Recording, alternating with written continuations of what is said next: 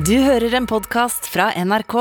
Vi vet jo veldig godt at vi beveger oss inn i et minelagt farvann når vi velger temaet kjønn og transpersoner og rettigheter. Og jeg kan også medgi at jeg skjønner veldig godt den frustrasjonen og oppgittheten som transpersonene føler på, at den samme debatten kommer opp hver eneste gang.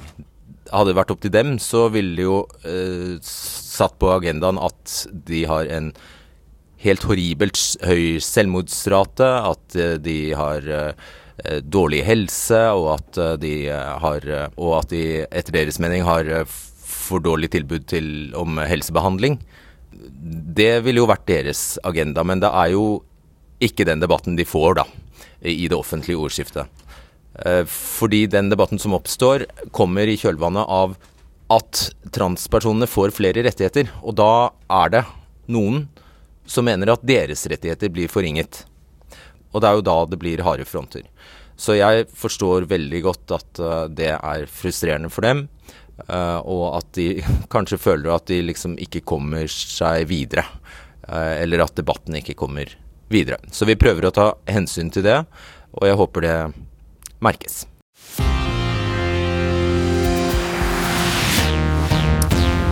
Mer enn 30% av dem har forsøkt å ta sitt eget liv. De forteller om mer ensomhet enn andre.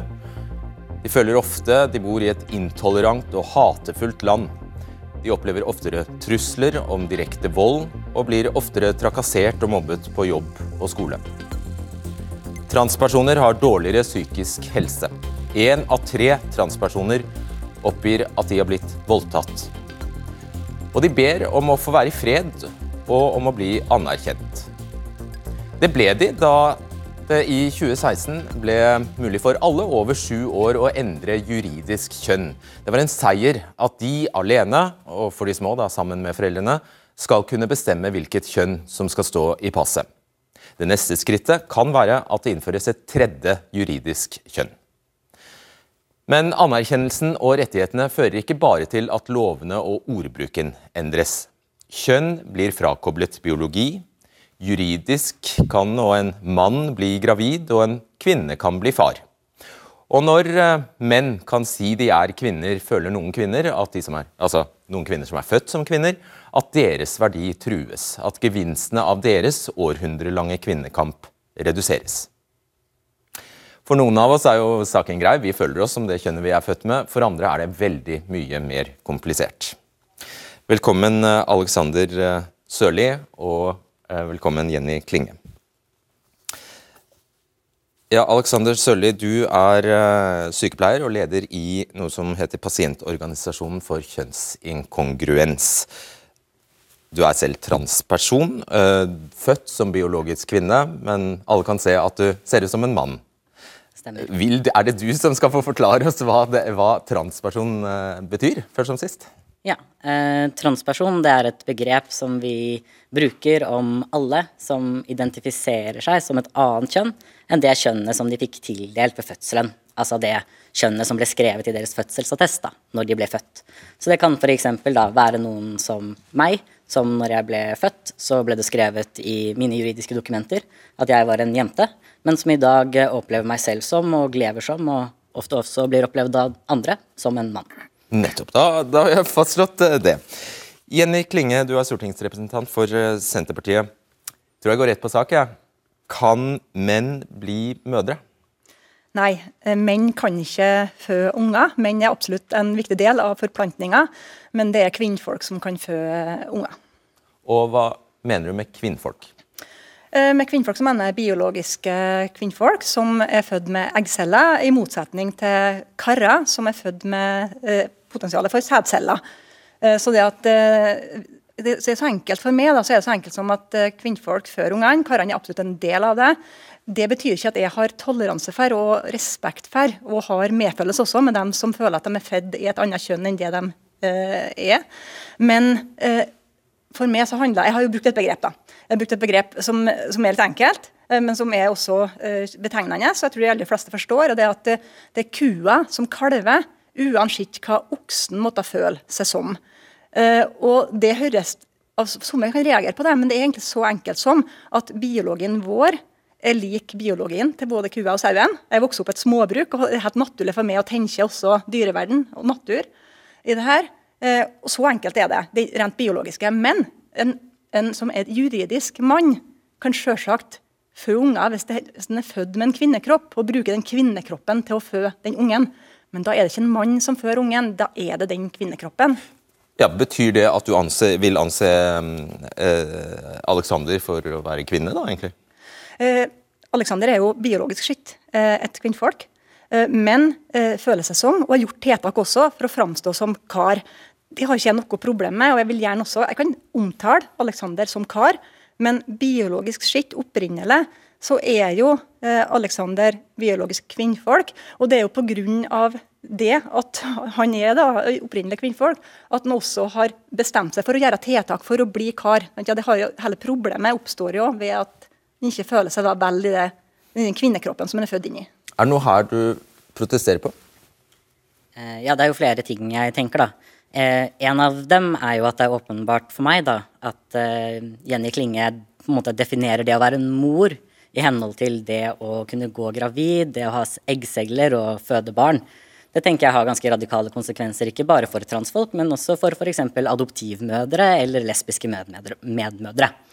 Eh, hvis grunnen til at f.eks. en transkvinne da, som er født med sædceller, men som har et barn, ikke kan få lov til å kalle seg en uh, mor eller bli ansett som det i lovverk, eh, fordi hun ikke kan gå gravid, da tenker jeg det følger som en helt logisk konsekvens av det at også adoptivmødre må regnes til å ikke være mødre.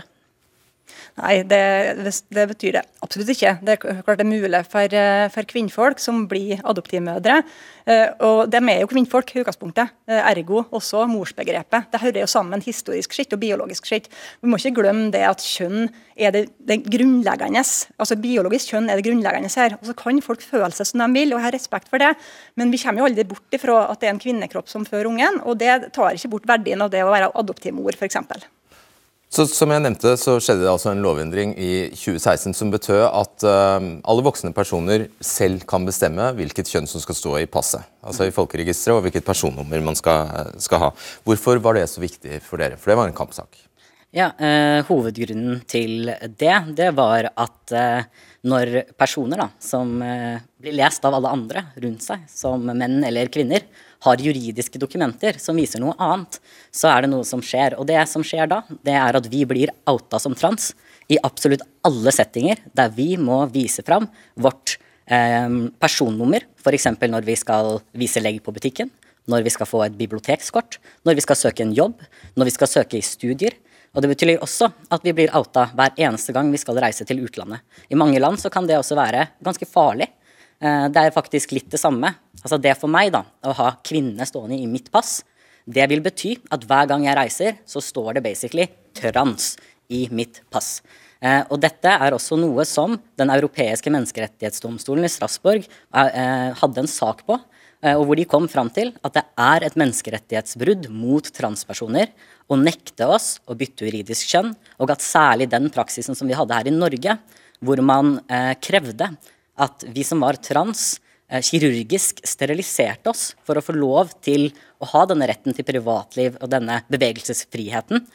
Um, uh, det var på en måte noe de kom fram til, da, at det er et veldig tydelig menneskerettighetsbrudd. Men til tross for dette, så du, var du imot eh, lovendringen fra 2016? Nei, jeg var vel sikkert med og stemte på den òg. fordi det var jo ikke uh, en ordentlig debatt om den saka. Den sklei på en måte inn. Og det som uh, jeg mener er viktig nå, det er jo at vi evaluerer den lova. Ja, sånn er det. Du vil evaluere den, men man, ja. du vil jo ikke det uten grunn. Så, så du vil jo, uh, det må jo bety at du, det er noe ved den du misliker? Ja, det er det. Og det, jeg forstår jo kjølig godt at hvis den, når den faktisk framstår som en kar, da, slik som Alexander gjør her, så forstår jeg det at det er et absolutt ønske om å også ha mann i passet. Men det som den lovendringa førte til, det er jo det at eh, karer for eksempel, som ikke gjør noe tiltak for å se ut som kvinnfolk, ikke fjerner kjønnsorgan eller noe som helst, eh, kan få lov til å si at de er dame i passet. Og Dermed så har han også rett til, i ytterste instans, da, så blir det jo slik at i kvinneklassen i idrett, i brytesport og i fotball, så kan en eh, fullt utvoksen kar med den fysiske styrken han har, delta fordi at han kan påstå at han er kvinnfolk og få den juridiske endringa i passet. Og Det gjelder eh, både når det gjelder soning i fengsel og idrett og i garderobespørsmål, så er det noe vi må ta opp. Det kan godt hende vi skal ha regler som gjør at det er mulig. og sørge Men, men det er feil, det er ikke sånn. Det Eh, er, det er på glidende gang i mange land. Nei. Eh, I, Norge så er det slik at juridisk eh, kjønn for transpersoner har ingenting å si om hvilket eh, fengsel som du skal sone i.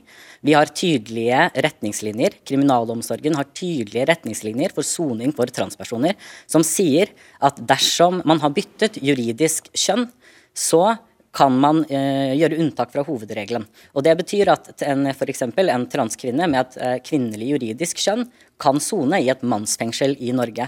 Det betyr også motsatt, at eh, noen som har et eh, kvinnelig eh, juridisk kjønn, kan sone eh, Nei, sorry, altså motsatt. At Ja, noen mannjuridisk kjønn kan sone i et kvinnefengsel. Eh, idretten, verken i Norge eller internasjonalt, er heller ikke regulert basert på juridisk kjønn. Sånn at alle de tingene du nevnte nå, de har ingenting med juridisk kjønn å gjøre. Ok, tror vi, eh, du, du skal få svare eh, straks. Jeg skal bare introdusere de tre nye som har kommet inn i studio her. Eh, ingen eh, aner helt hvor mange som har kjønnsinkongruens, som det heter i Norge. Altså at man har en kjønnsidentitet som ja, noen ganger, eller kanskje hele tiden, skiller seg fra det kjønnet man fikk tildelt ved fødselen. Anslagene varierer faktisk fra 5300 til 140 000 personer i Norge. Etter at eh, denne nye loven ble innført i 2016, har rundt 1200 personer endret juridisk kjønn. Det vet vi. Og Så skal du få et eksempel her på hva denne siden mener når de sier at de ikke har lik rett til den samme helsehjelpen som oss andre. Hvem som helst kan jo over 18 år gå og skaffe seg silikonpupper. Men hvis en transmann går til en privat klinikk og ber om å få fjernet puppene, ja, da griper staten inn og sier nei. Velkommen til transkvinne Kristine Marie Jentoft fra Foreningen FRI. Takk. Feminist eh, Kristina Ellingsen, som mener det kun finnes to kjønn. Og velkommen til eh, Ja, der skal, skulle likestillings-, kultur- og likestillingsminister eh, Anette Trettebergstuen henge. Der er du! Hei på deg. Og til slutt, velkommen til deg, Glenn Peter Sætre. Du er evolusjonsbiolog som mener at eh, kjønn slettes ikke er eh, noe selvopplevd. Velkommen til eh, dere. Kristine Marie Jentoft, du er altså rådgiver i Foreningen FRI. Foreningen for, eh, det, ja, det, for, det er en forening for um, kjønns- og seksualitetsmangfold. Jeg ga her et eksempel på det dere mener er en urett. Hva ville stått øverst på agendaen hvis dere hadde fått designet denne debatten helt på egen hånd? Eh, Vi skulle gjerne tatt og tittet på behandlingen vi får både privat og offentlig. Vi skulle gjerne sett på de utrolig kjipe levekårene transpersoner har, og så skulle vi gjerne sett på et tredje juridisk kjønnsalternativ. Skal i hvert fall snakke gjennom det eh, siste. Det skal vi mm, bruke tid på. Og så har jeg nevnt den, jeg nevnte den veldig dystre stati statistikken her, i, her i begynnelsen, som jo er helt, helt forferdelig. Eh, det er vel sånn jeg tror vi bare må legge det eh, som et, eh, ha det som et premiss at veldig mange her er ganske uopplyste om disse sakene. Det er veldig mange som ikke vet så mye om det, og kanskje ikke har satt seg så godt eh, inn i det. Så jeg tror vi, dere, dere får bare holde ut, holde ut med oss, for det kan hende det blir repetisjon av ting dere har vært eh, nødt til å snakke, snakke om altfor lenge, vil jeg tippe dere mener ofte. Det skal vi klare. Det er bra. det er bra. Ok, Du skal få fortsette. Uh, Jentoft, eh, du ble selv registrert som mann ved, ved fødsel, levde 20 år som mann, hvis jeg skjønner det rett. Og så fikk du i løpet av den tiden et barn. Eh, og så kom du ut og fikk kjønnsbekreftende behandling, som det heter, og lever nå som kvinne og mamma. Men eh, ja, når, når du hører Jenny Klinge her si at ja, men en mann kan ikke føde barn, hva svarer du da? Eh, Det er ganske mange menn som blir gravide og har gjort det. eh, På samme måte som at jeg kan være mamma, selv om jeg har levert de små kjønnscellene. Så det går helt fint, uavhengig av hva Klinge tenker om det. Ja, eh, det går an å mene det, men eh, rent faktisk så er det jo slik at eh, det finnes ikke mannlige mødre. Det går an å si det om en person som har skifta kjønn, og at den kan oppfatte som og omtale som at det er ei mor og kvinnfolk. Det har jeg ikke noe problem med. Men når det kommer til hvordan det faktisk er, så er det viktig for meg, et viktig poeng her, det er at vi vil ha et tolerant samfunn. Og toleranse innebærer å gi rom for ulike uttrykk. Men så det kan aldri bli slik at i denne toleransens navn, så skal vi kreve at folk slutter å tale om at det finnes to kjønn, og at kvinnfolk er det kjønnet som fører unger. For den dagen vi blir tvinga til å ikke si det, da har vi tatt bort ytringsfrihet. Vi har tatt bort den toleransen det er for faktiske forhold og biologiske fakta. Og da kommer vi ikke lenger som samfunn. Så mitt hovedpoeng er at det er fullt mulig å være tolerant og grei og snill, og samtidig forholde seg til fakta. Alright. Anette Trettebergstuen, kultur- og likestillingsminister. Bakteppet for denne diskusjonen er i stor grad den endringen som skjedde i 2016, og ikke minst det at du nå har sagt at du vil utrede, utrede gå skrittet videre da kan man si, å utrede et tredje juridisk kjønn. Eh, og Det vil si at man skal ikke måtte gå veien om uh, kjønns... Uh, altså, altså uh, Eller nei, det skal du få forklare selv. Hva, hva, hva er hensikten med tredje juridiske kjønn? Jo, det er jo slik i dag at uh, siden 2015 så har man kunnet uh, skifte juridisk kjønn. Altså man kan skifte fra kvinne til mann eller fra mann til kvinne. Uh, og så er det jo uavhengig av hva Kjersti Toppe mener, eller helt uavhengig av at de aller fleste blir født som gutter eller jenter, men noen blir også født som såkalt interkjønn, at det er helt umulig å si hva slags biologisk fysisk kjønn de har. De har. Det er en realitet, og sånn er det. Sånn vil det alltid være for de fleste. Men så er det noen som ikke føler seg hjemme i kategorien kvinne eller i kategorien mann. Og eh, da mener jo jeg at det er riktig å la de få lov til å juridisk få lov til å definere seg som noe annet. Altså en tredje kjønnskategori for de som ikke føler at de passer hjemme i kategorien eh, kvinne eller mann. Og eh, For disse menneskene så er det eh, en løsning som kan bidra til at de kan føle seg mer hjemme i seg selv, eh, føle seg mer vel, oppleve et liv med mer frihet. Og det skader ingen andre at noen får lov til å definere seg som en tredje kjønn kjønnskategori, altså ikke som mann eller som, som, kvinne. Så lenge man kan skifte juridisk kjønn i Norge, så mener jeg også at det må åpnes for at man eh, kan definere seg som, eh, som, noe annet enn mann og kvinne. Ja, og Det siste du var innom der, nettopp det at det er jo det springende punktet om det skader andre. Du mener altså at det ikke skader andre. Men det skal vi altså, tror jeg vi får høre nå. Kristina Ellingsen, du er styreleder i Women's Declaration Norge. Jeg kalte deg feminist, det er riktig? ikke sant? Du, mener, du vil være veldig uenig i at dette ikke skader andre. Kvinner, f.eks. Ja, absolutt. Eh, loven om endring av juridisk kjønn ble innført uten en eneste konsekvensutredning i forhold til kjønnsbas eksisterende kjønnsbaserte rettigheter. Eh, kjønnsbaserte rettigheter er spesielt relevant for eh, kvinner og jenter. Kvinners rettigheter, det vi, det vi kaller for kvinners rettigheter, er i praksis et kjønnsbasert diskrimineringsvern det er ikke ekstra rettigheter som kvinner har fordi de er kvinner. Det er, et, eh, det er rettigheter og tiltak som skal forhindre kjønnsbasert utnyttelse og diskriminering av kvinner og jenter. Og Hvis vi benekter biologisk kjønn og fjerner biologisk kjønn fra lovverk og retningslinjer, så sletter vi i praksis kvinner og jenters rettigheter. Vil svare på det? Ja, nå er det ikke slik at Rettigheter er en pizza hvor at når noen andre får mer, så får noen mindre. Eh, og det påvirker ikke de som ble tildelt kjønnet kvinne ved fødsel, og som opplever seg som kvinne, at transkvinner eksisterer og er kvinner, de òg. F.eks. Ja, kan du gi et konkret eksempel på hvordan de eventuelt skulle gjøre det? Eh, når man eh, endrer på definisjonen av den variabelen, av den faktoren, som, skal, eh, som brukes for å forhindre diskriminering, eh, så vi, snakker vi ikke om en pizza som deles opp. Da snakker vi om å fjerne den pizzaen og erstatte den med noe helt annet. Men Har du et konkret eksempel, bare sånn at vi henger med her? Hva, eh, hvilke kvin vi har allerede tre kvinne, kvinne, kvinnerettigheter vil, vil, forringes da, av at uh, den klubben blir større? Uh, vi har allerede tre diskrimineringssaker hvor kvinner har varslet om menn i garderober eller toaletter, hvor resultatet har blitt at enten kvinnene eller eierne har blitt tatt til sak og har tapt sak. Eh, Dvs. Si at de kjønnsbaserte behovene og rettighetene for kvinner og jenter blir allerede ignorert. Ok, Trettebergstuen, svar på det. Ja, nei, Det er altså ikke slik at uh, noen kvinner mister noen uh, rettigheter som følge av at uh, transpersoner får sine menneskerettigheter ivaretatt, noe de i dag ofte ikke får. Eller at de som er såkalt ikke-binære, altså som ikke definerer seg som kvinne eller mann, men som ønsker å liksom, få lov til å bare definere seg som noe annet, at de får lov til det. Og så er det jo, den Debatten her blir litt merkelig. for La oss tenke på hva er det som egentlig er problemet. Er det et problem at vi har et renn av mannfolk som skifter juridisk kjønn fordi de skal få tilgang til damegarderobene? Nei, åpenbart ikke.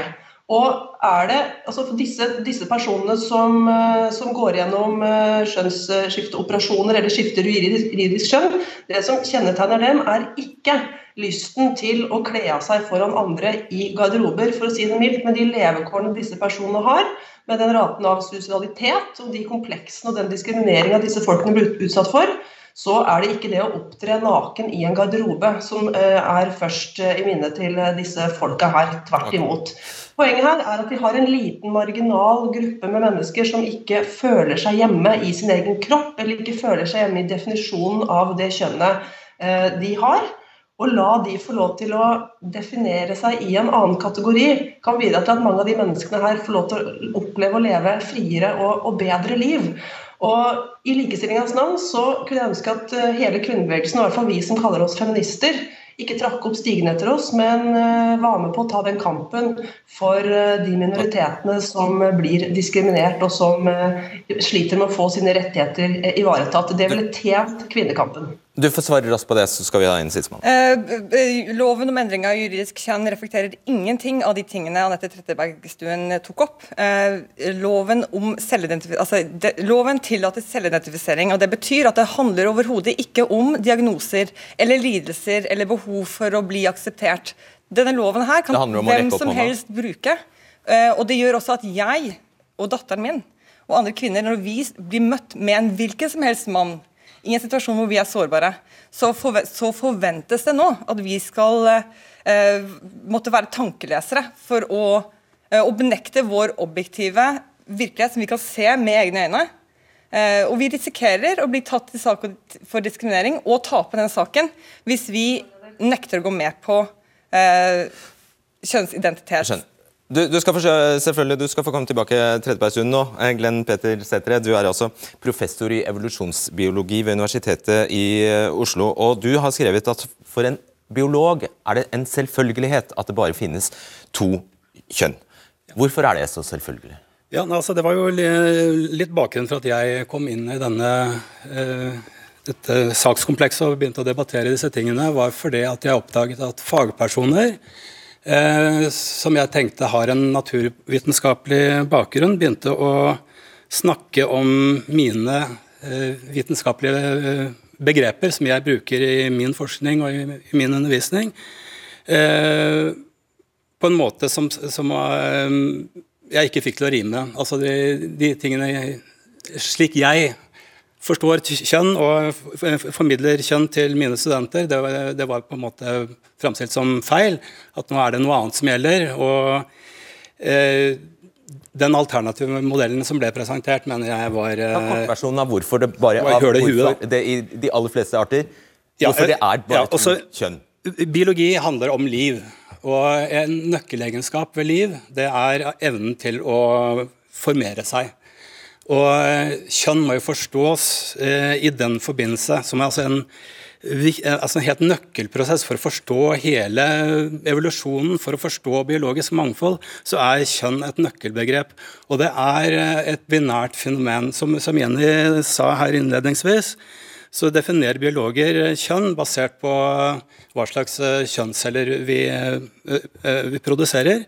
Og der er det ingen mellomting. Det er ikke noe spekter eller slike ting som eh, det er ingen mellomting for menneskenes del mellom sæd og eggceller, sier du? Nei, altså det er, det er to klare kategorier. Og sånn, og sånn, er det over hele dyreriket, og også planteriket. Al, altså All kjønnet formering hvor det er forskjell på kjønnene, så er det alltid to. Store, store eh, kjønnsceller kaller vi for hund, små kjønnsceller kaller vi for, eh, for for han. Og, og, dette tror jeg vi henger med på. Ja. Men så er det, er jo, er, blir det jo kompl mer komplekst når vi så fordi er, Hvorfor kan vi ikke sosialt og kulturelt konstruere et tredje kjønn hvis det ikke skader et, noe midt mellom, mellom der? Hvorfor kan ikke vi menneskene gjøre det, hvis det, hvis det er til gang for oss? Nei, altså, det er jo, det er jo, altså, vi kan jo definere ting akkurat sånn som vi vil, vi. Ikke, men altså, det, er, det, er, jo en fordel da, at, vi, at, definisjonene våre reflekterer en, en faktisk fysisk virkelighet. Når vi gjør vitenskap, så er det en fordel at begrepene våre er gode, at vi kan utvikle gode modeller. Det gjelder jo også helse. ikke sant? At vi kan eh, behandle eh, mennesker på en bra måte. og Der er jo rent faktisk kvinnekroppen og mannskroppen ulik, og trenger ulik medisin. Så dette er jo viktig. Det har, det har mange mange forgreininger. altså. Kjønn er, biologisk kjønn er viktig, og, og, og for uh, mer ting enn bare hvordan jeg føler meg. altså. Vil du svare på Ja, det kan jeg gjerne gjøre. Eh, altså, for det første så er det jo absolutt ingen i transbevegelsen som benekter at det er sånn at mennesker bare har to typer kjønnsceller. Eh, de store og de små kjønnscellene. Eh, så er det vi på en måte setter spørsmålstegn ved, er jo i hvilken grad det faktisk er sånn at vi i dag faktisk da, deler opp samfunnet vårt basert på størrelsen av disse kjønnscellene. Eh, jeg tenker også da, En ting som jeg har lyst til å påpeke på det her biologiske, for det fremmes ofte som om eh, transidentitet eh, det er bare en sånn ting som er helt usynlig for alle andre. Det har ingen materielle konsekvenser. Men eh, det er jo, i, i så fall, hvis, hvis, det hadde vært sant, da, så burde det jo vært sånn at når jeg gikk ut på gata, så leste alle meg som en dame alltid. Men det gjør de jo ikke. Og hvorfor gjør de ikke det? Og det er jo fordi det nettopp har noen biologiske ting da, som skjer med kroppen når vi f.eks. tar kjønnsbekreftende behandling. Bare det at våre kropper er laget på en sånn måte at jeg kan ta testosteron og utvikle da, så mange eh, typ, det, det, vi forbinder med da, såkalt mannlige sekundære kjønnstrekk, viser oss jo at kroppen vår den er mer på en måte, kompleks da, når det gjelder kjønn. Eh, så mener jeg også at eh, til og med denne kategorien som vi kaller biologisk kjønn, der sauser man jo sammen veldig mye. Hvis det faktisk var sånn at man var helt konsekvent da, og bare refererte til lager du store eller små gameter, så er jo det nå én ting. Men som sykepleier, for eksempel, da, så tenker jeg det blir eh, fri, eh, veldig fort veldig problematisk når man begynner å snakke om f.eks. at eh, eh si brystkreft da, er en slags kvinnesykdom. Eh, og begynner å da måtte tenke at transmenn de må screenes for det, fordi vi er helt identiske vi, biologisk til cis-menn. Mens f.eks. transkvinner da, som har utviklet naturlige bryster på akkurat samme måte som, som cis-kvinner, de skal ikke screenes for det. nå, tror jeg, nå tror jeg jeg skal bremse deg, for nå ble cis-menn og cis-kvinner. Bare ja, forklar oss det. Det? Um, så uh, begrepet cis er bare motsetningen til trans. Ok, ja. Så de som er født som kvinne, blir cis-kvinner? De som er født som kvinner, de er cis-kvinner. De som okay. er født som menn, de er eh, da cis-menn. Da tror jeg vi Jeg er jo ikke uenig i at uh, når du uh, mimikerer kroppens uh, pubertet da, ved å ta hormoner, at du, at du, da får sekundære kjønnskarakterer fra, andre, fra det andre kjønnet, og at det har også medisinske konsekvenser. Det er selvfølgelig det, det er ikke noe problem med. Avviser du også at det finnes et spekter av mannlighet og kvinnelighet? Ja, det er, det jo de tingene jeg har argumentert mot. Da, for det, det, jeg syns det er veldig fint at, at, at, du sier det nå, at, at, du ikke benekter eh, eksistensen av biologisk kjønn. For det, var ikke åpenbart for meg at det var sånn når jeg eh, gikk inn i dette, eh, denne materien. Da ble jeg presentert for en annen modell, hvor eh, langt på vei altså man eh, så helt bort fra biologien og, og definerte kjønn som et, slags sjelekjønn, altså det man har, har i hodet, at det, det var overstyrt av alt av biologi, og var det som var eh, viktig. Og det, og det mener jeg det, det har noen eh, altså, vi, kan, vi, kan, definere verden sånn, men det har noen negative konsekvenser. og eh, Kristine har snakket om noen, også at det, det påvirker da hvordan vi, vi forstår kvinne, Og, og, det, og, det, kan også være og Hun skisserer også da konfliktområder. Vi snakker fengsler, kvinneidrett, garderober. ikke sant? Er, vi kan ikke unnlate å se at det er faktisk eh, konfliktområder. da. Ok, vet du hva? Vi skal være så unådige at vi skifter deg ut og sier tusen takk for at du kom. Eh, og så skal du få ta bytte her med Espen Ottosen. I mellomtiden tror jeg Trettebergstuen, du må være kort. Men eh, dette er jo eh, Er ikke det veldig reelt, det han eh, sier her? Disse eksemplene med områder der eh, fengsler, idrett, garderober og toaletter? Altså Det er jo øh, praktiske områder det er mulig å finne løsninger på. Men jeg tenker så, hva er egentlig problemet her? Altså Biologen har rett, men, men øh, de fra FRI har også rett. Uh, de fleste fødes som mann eller kvinne, og det fins to biologiske kjønn. Men så har vi da en gruppe folk, og det er den faktiske virkeligheten som biologen her er opptatt av at vi skal reflektere. Den faktiske virkeligheten er at det er en gruppe mennesker, veldig, veldig få, som ikke føler seg hjemme innenfor de kjønnskategoriene. Og Da må vi spørre oss hvordan skal vi som storsamfunn ta vare på de folka som pga. at de ikke hører, føler seg hjemme i de kjønnskategoriene, lever dårlige, ufrie liv, opplever å bli marginalisert, har dårlige levekår, er suicidale ofte og blir diskriminert. Okay. For meg er det da helt åpenbart at det ikke går utover noen som helst. Det går ikke utover kvinners rettigheter eller noen andres menneskerettigheter at disse folka får seg det pusterommet de ønsker seg, ved å kunne definere seg som en, i en tredje kjønnskategori. Vi oppretter jo ikke flere biologiske kjønn av å gjøre det. Vi gir folk som ikke passer uh, inn i de eksisterende kategoriene, uh, et eget fristed. Okay. Og det, det, burde ikke være et problem. Nettopp. Espen Aastussen, du er teolog, filosof og informasjonsleder i Norsk Luthers Misjonssamband. Hvordan vil du ivareta dem, hvis ikke på denne måten? Ved tredje juridisk kjønn? Jeg er usikker på uh, nøyaktig hvordan lovverket bør være. Fordi jeg tenker at uh, det at Alexander og Kristine skal bli møtt med respekt og få en hverdag som er enklest mulig, ingen problem med. Men det jeg ber om, og det som jeg er opptatt av, det er jo at de av oss som mener at det finnes bare to kjønn, og kjønn først og fremst er biologi, vi må ha jo en frihet til å mene det også i framtiden. Det er jo ingen som nekter deg det? jo, det, det, er det det er. fordi at uh, hva skal inn i skoler? Hva skal inn i barnehager? Vi vet at FRI uh, har et uh, opplegg som heter Rosa kompetanse, hvor man kurser barnehagelærere, kurser lærere og lærer at nå skal man ikke si at du er født gutt eller født jente, du skal si at du tildeles et kjønn ved fødselen. Det er jo å tone ned biologien. Barn får beskjed i barnehager og skoler om at kanskje er du født i feil kropp. Det er ikke sikkert du er en gutt selv om du har guttetiss. Og jeg representerer en kristen organisasjon er, er, ikke det greit? Hva er feil med det? Nei, Det som er feil med det, og jeg tror er kjempeskadelig for en del, det er jo at det er veldig mange jenter og veldig mange gutter som ikke føler seg helt som jente, ikke føler seg helt som gutt.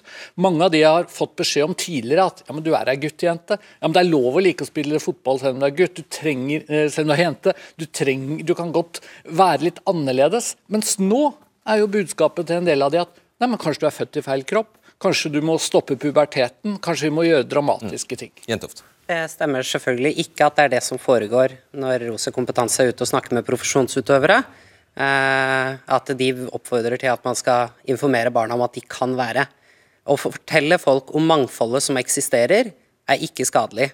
Da lærer jo barna å stille det spørsmålet da til seg selv. Kanskje jeg føler meg litt annerledes, ikke som en typisk gutt, ikke som en typisk jente.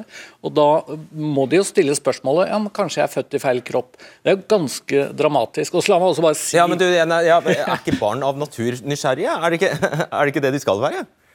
Jeg tror at det blir usikkerhet og forvirring for en del. Jeg har møtt ganske mange som har sagt til meg at jeg er så glad jeg var fem år på 80-tallet. Fordi at selv om jeg var veldig guttejente, så trengte jeg i hvert fall ikke å stille spørsmålet er jeg egentlig gutt. Ehm, men det jeg kanskje er aller mest opptatt av, bare for å si det, er jo at kristne organisasjoner, f.eks. som min, altså vi driver skoler, vi driver barnehager, skal vi ha lov til å si at hos oss er kjønn et spørsmål om biologi. Drar vi på skoletur Skal du ha lov til å eh, si at det finnes bare to kjønn? Er det det du lurer på? Ja, eller skal det være sånn at vi, disk vi diskriminerer eh, transpersoner som sier at eh, nei, jeg, er, eh, jeg har skifta juridisk kjønn, jeg har krav på å gå i jentegarderoben? Svar superkort på det. Skal det være lov til? Ja. Det er de av oss som har barn i skolen eller i barnehagene, eller de som jobber som lærere eller jobber i barnehagene, vet jo at det Espen Ottesen nå forteller om, ikke er riktig. Eh, det at barn lærer om at folk er forskjellige, og at det også finnes noen som ikke føler at de passer inn, eh, det er bare bra. Det skaper toleranse. Og så er det en sånn stråmannsargumentasjon når man kommer med at skal det ikke være lov til å kalle folk for mor eller far lenger nå? Eh, og skal vi ikke få lov til å si at det finnes to biologiske kjønn? Jo, du kan mene og si det så mye du vil, og selvfølgelig er det ingenting i lovverket som skal eh, endre på begrepet mor. Dette er bare tull. Det er avvist for lenge siden. Det er ikke det dette her handler om. Men det man gjør hver gang man kommer med sånne påstander, det er jo at folk reagerer på det, med rette. For det høres jo helt urimelig ut. Skal man bytte ut ordet mor med fødeforeldre? Nei, det skal vi ikke. Og så eh, opplever de som eh, allerede er i en vanskelig situasjon, de som eh, føler seg født i feil kropp eller som definerer seg som trans eller ikke-binære, de opplever bare enda mer hets. Så la oss bare slutte den orddebatten. Du får lov til å mene og si akkurat hva du vil. Dette handler om å gi de som ikke føler seg som mann eller kvinne, okay. eh, noen bedre levekår ved å la de få lov til å definere seg i en annen kategori. Det- Så enkelt er det. Hatprat, da, som vi vet kommer nå. I 2020 kom det eh, nye regler om kjønnsidentitet og kjønnsuttrykk, så vi vet jo at dette kommer til å bli en juridisk pine. Ok, det, det som er på det rene er at det er sendt ut forslag til eh, Det var den forrige regjeringen som sendte ut forslag til eh, endring av eh, barneloven, ny barne, barnelov. Og i paragraf to, den er veldig vesentlig, fordi den paragrafen heter 'Hvem som er foreldra til barnet', så foreslås det at eh, begrepet kvinne skal forsvinne og erstattes med 'den som føder barnet'. Og Dette er fordi det følger jo egentlig logisk av den endringen som skjedde i 2016. fordi nå er det sånn at en juridisk mann kan føde barn, og da er det logisk at begrepet kvinne forsvinner. Hva syns du om det? Nei, jeg syns det er noe stort eh, tull, for å si det rett ut. Fordi at eh, Sjølsagt skal det stå i barneloven at det er kvinnfolket som fører unger, og at det er mor da som blir til når hun får den ungen. Eh, og så er det jo litt sånn, viser litt absurditeten, det som kom fram i stad, at eh, vanlige kvinnfolk og vanlige karer blir kalla for cis-kvinner og cis-karer. Setter et ekstra ord på det. Eh, det er det ene. Men det som en må huske på, det er jo vi må se på utviklinga i andre land også. fordi i Brighton og området sør i England så er det et eh, sterkt transmiljø. og der har jo jeg lest da, at uh, sykehusene har fått, uh, gir instrukser til sine sykepleiere og barnepleiere der, eh, om at en skal ikke si uh, breast milk om morsmjølk, morsmjølk um, eh, si, som da er brystmjølk, mens de skal si chest milk, som er brystkassemjølk, for å tilfredsstille alle eh, sånn kvinnfolka som har blitt karer, men som enda har brystene sine, og som kan amme.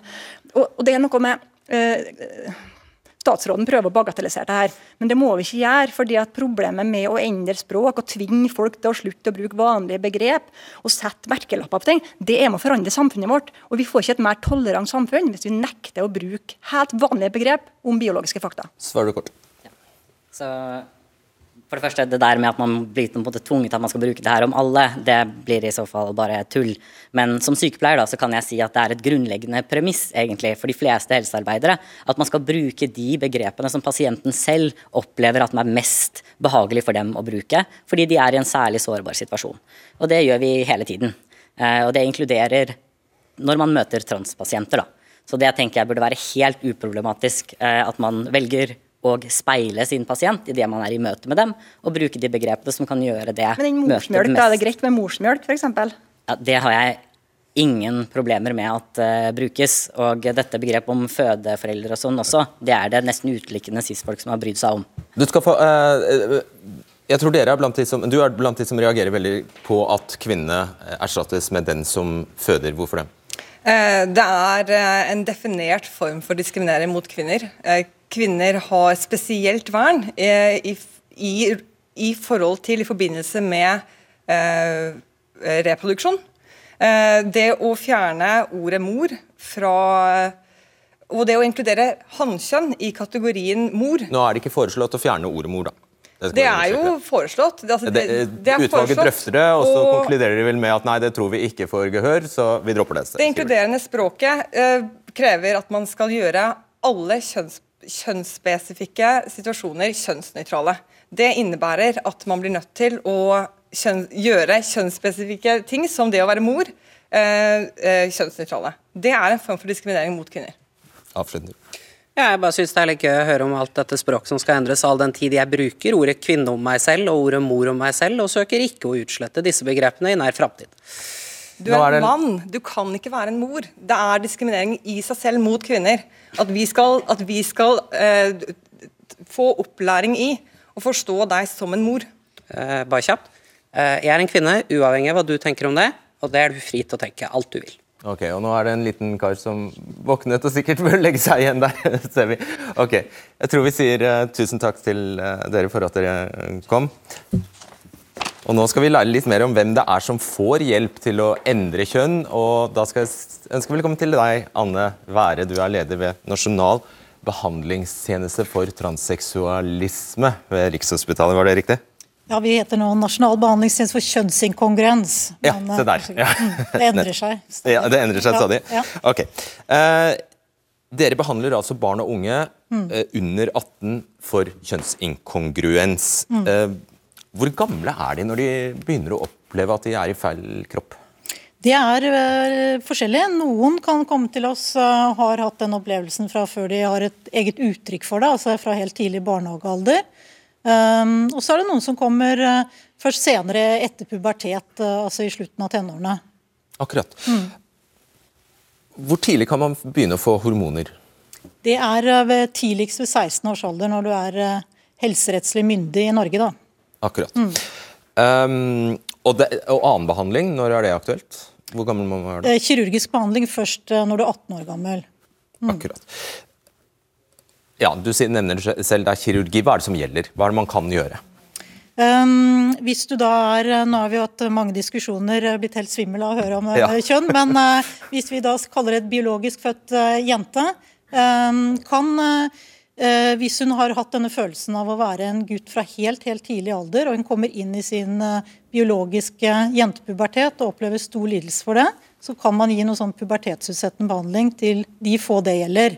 Um, Ellers kan man ved 16 års alder av, som biologisk født jente få eh, testosteronbehandling.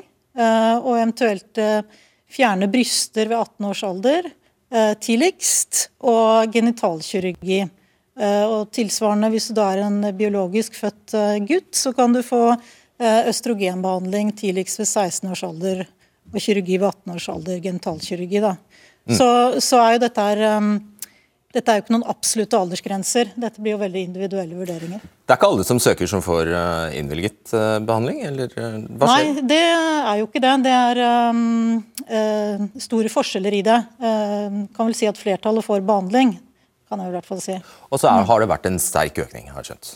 Ja, det har vi jo snakket om ganske mange ganger. Det, de siste årene har det vært en dobling nesten årlig. Nå ser det ut som det flater seg litt ut.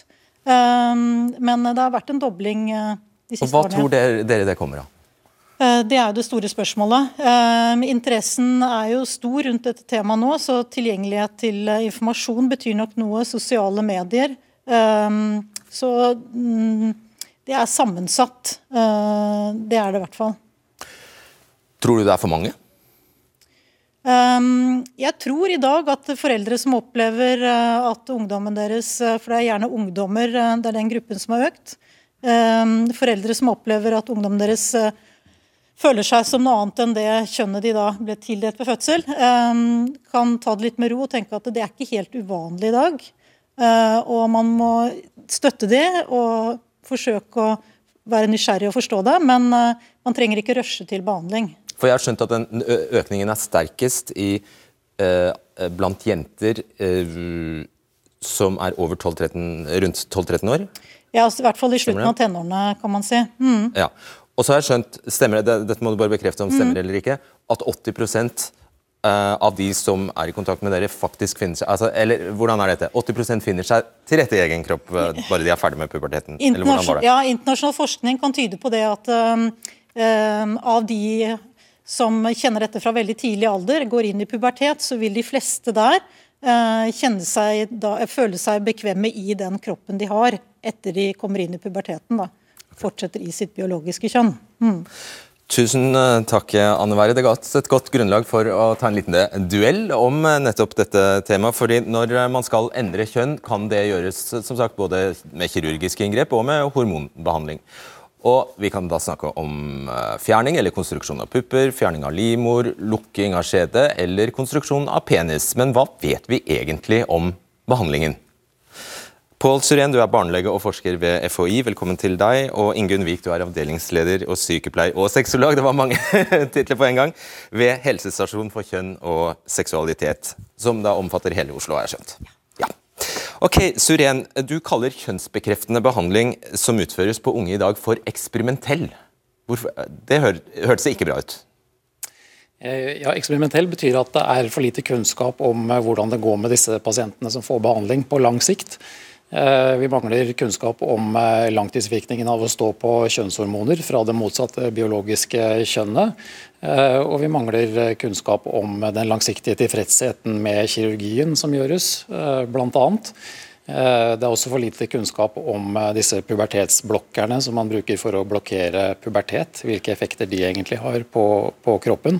Eh, Og om det er, faktisk er mulig å gjenoppta en normal pubertet hvis man har stått på dem Om det er irreversibelt eller Om det er irreversibelt, ja. Mm. Men ja, for lite informasjon til hva? Hva mener du er konklusjonen? da? Til å gi eh, pasienter og foreldre god informasjon om hva de kan forvente seg eh, i resten av livet. Fordi dette er jo en eh, behandling som får konsekvenser for hele resten av livet. Det gir varige endringer i kroppen. sånn at eh, det er en del av de, det man gjerne skulle visst før man tar en sånn beslutning. Mm. Og de kommer jo gjerne til deg, eh, mange av dem. eh, Ingunn Vik. Mange som identifiserer seg med det motsatte kjønn, ender likevel med å bli fornøyd, som vi hørte her, etter, etter hvert når de blir tenåringer. Kanskje også tidlig voksne. Eh, Hva forteller det deg? Eh, Da ble jeg veldig nysgjerrig på hvilken forskning det er snakk om. Fordi at Det er en studie fra 2013 eh, hvor KNK Tennis bl.a. har vært med og, og publisert. Og Der har de jo sammenligna epler og bananer. Altså Man har sammenligna barn som på en måte har en kjønnsatypisk atferd, med barn som har hatt en mer eh, opplevelse av kjønnsinkongruens. Men har også tatt med eh, barn som ikke har fortsatt eh, og ville vært med i studien, som eh, barn som har på en måte angra seg. Så det er klart at Forskning er, er kjempeviktig, blir gjort skikkelig. Eh, for Det er ikke bare å sammenligne på en måte to grupper uten å på en måte se på hvilket referansegrunnlag Er du enig eller uenig i at man vet for lite? Eh, Jeg er enig i at man vet for lite på feltet her, som man gjør på alle andre felt, tenker jeg. Man driver med medisinsk behandling. Men eh, hvis man går til WPAT, eh, som en internasjonal retningslinje, hvor man har standarder for kjønnsbekreftende behandling, så finnes det masse forskning. Så jeg undrer meg jo hvorfor ikke norske eh, leger på en måte går til utlandet og ser på folk som virkelig har jobbet med det her i i flere, flere år. da. Har du bare googlet dårlig? Eh, Nei, det er riktig at det finnes en del forskning, men eh, det er veldig mye dårlig kvalitet på den. Eh, Det meste er sånne tverrsnittstudier, som det kalles, hvor man har bare undersøkt pasientene på ett tidspunkt, men ikke fulgt dem opp over tid. Det er veldig få studier med, gode studier med langtidsoppfølging. Og dette med den høye forekomsten av eh, selvmord og selvmordsforsøk og psykiske vansker, som du var inne på i stad. Eh, Man har jo sett det i tverrsnittstudier at det er eh, en sammenheng der. Men det man ikke vet, er hva som kom først. Om det var disse andre problemene som kom først, eller om det var problemene med kjønn som kom først. da. Hvor sikker er du på at eh, når, du, når du anbefaler behandling, da, eh, om det er hormonell eller kirurgisk eh, behandling det er snakk om, hvor sikker er du da på at dette er riktig avgjørelse? Jeg kan ikke være sikker på det, for det er den som sitter i kroppen som kan si om det her kjennes riktig ut. Og det som Paradokset på det feltet her, er at det finnes ingen objektive markører på kjønnsinkongruens. Ingen blodprøver, ingen røntgenbilder, ingen kartleggerskjema som kan si at du er trans og ikke. Det finnes ikke. Så det er den enkeltes opplevelse som er gjeldende. Og da er det jo også paradoksalt at man tenker at det er bare ett sted i landet man kan gi denne liksom Altså de sanne transpersonene da, kan si at du er trans, men ikke du. Du er ikke nok, men det er du. Så jeg må bare si at det Ja, og det er gjør dem som sto her eh, Ja. tidligere, det er ja, så De det som som jeg har lyst til å si da, er nettopp det at Vi gjør alt det vi kan for å utforske, få tak i opplevelser, ambivalens, tvil, usikkerhet. Hvor er du hen? Altså, Er du sikker? Syns du det er vanskelig? Det er jo det som vi er opptatt av, å få gode allianser og møte de her kidsa og ungdommene som får tid og et trygt rom til å utforske nettopp den opplevelsen. Og Er ikke noe av problemet her at uh, fort, kan sånn skep eh, fort kan en skepsis til, eller en tilbakeholdenhet tolkes som en mistro til den unges uh, opplev opplevelser og, og kanskje misere? Ja, det kan nok hvis man gjør det på feil måte, men eh, det kan også bli veldig feil å skulle ta dette behandlingsønsket til følge med en gang uten å gjøre en skikkelig utredning eh, først.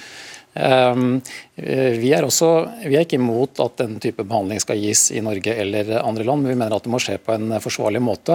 Og Hva betyr det sånn helt konkret? det krever at man gjør en grundig utredning eh, først, og sikrer seg at det ikke er andre, eller at det er psykiske vansker som ligger til grunn for problemene. For eksempel. Psykiatrisk utredning, da. Psykiatrisk, psykologisk utredning. Eh, Og så er det viktig at man bruker tid, at man sikrer seg at dette ønsket om å skifte kjønn er stabilt over tid. Eh, Og så må man ha en skikkelig oppfølging eh, av alle, sånn at de får det samme tilbudet, og at man skaffer seg ny kunnskap som kan komme senere pasienter til gode. Men jeg trodde nettopp siden det alle forteller jo at det tar utrolig lang tid. Det er en enorm kvern å gå gjennom. Så jeg trodde jo eh, sånne undersøkelser ble gjort allerede. Av forskning, tenker du på? Nei, altså psykiatriske undersøkelser av denne Ja, Fram til nå så har det jo vært sånn, for diagnosen har jo vært innenfor den eller psykiatriske diagnosemanualen. Men nå har jo eh, Verdens helseorganisasjon bestemt det at den skal ut derfra og over til tilstander knytta til seksuell helse. Og Da er jo nettopp den kartlegginga eh, som blir gjort, eh, viktig å tenke at det blir gjort av folk som har kunnskap om nettopp kjønnsmangfold. Som greier å skille mellom hva som handler om det å være kjønns ja, eh, uvanlig i forhold til uttrykket sitt, eller hvem som har en reell opplevelse av at her har det skjedd en feil. da. Bare Ja. siste spørsmål til begge. Tror du det er for mange, passe eller for få som får behandling i dag? Jeg tror det er for mange som får det, ikke i spesialisthelsetjenesten, men det foregår mye utenfor spesialisthelsetjenesten hos private behandlere som eh, ikke er i tråd med gjeldende retningslinjer, og som heller ikke er forsvarlig i praksis, etter vår mening. Og hva tror du? Jeg tror at det er for få. Og jeg skulle ha ønska, når vi snakker om forskning og kunnskapsutvikling, at vi har forska på dem som ikke har fått hjelp. Dem er det vi møter, og det er fryktelig sterke historier. eh, Og nettopp introduksjonstemaet som du hadde der, tenker at den, den overrepresentasjonen i forhold til dårlig psykisk helse, hvorfor er det ingen som er bekymra for det? Det eh, lurer jeg på. Det bør vi forske på. Det får bli en ny debatt. Takk skal dere ha for at dere kom. Eh, Denne sendingen er over. Vi ses på tirsdag. Farvel.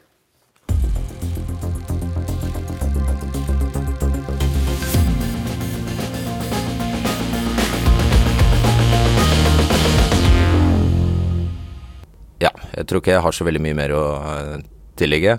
Jeg håper at dette var en sending til opplysning, og at eh, folk ble litt, ble litt klokere.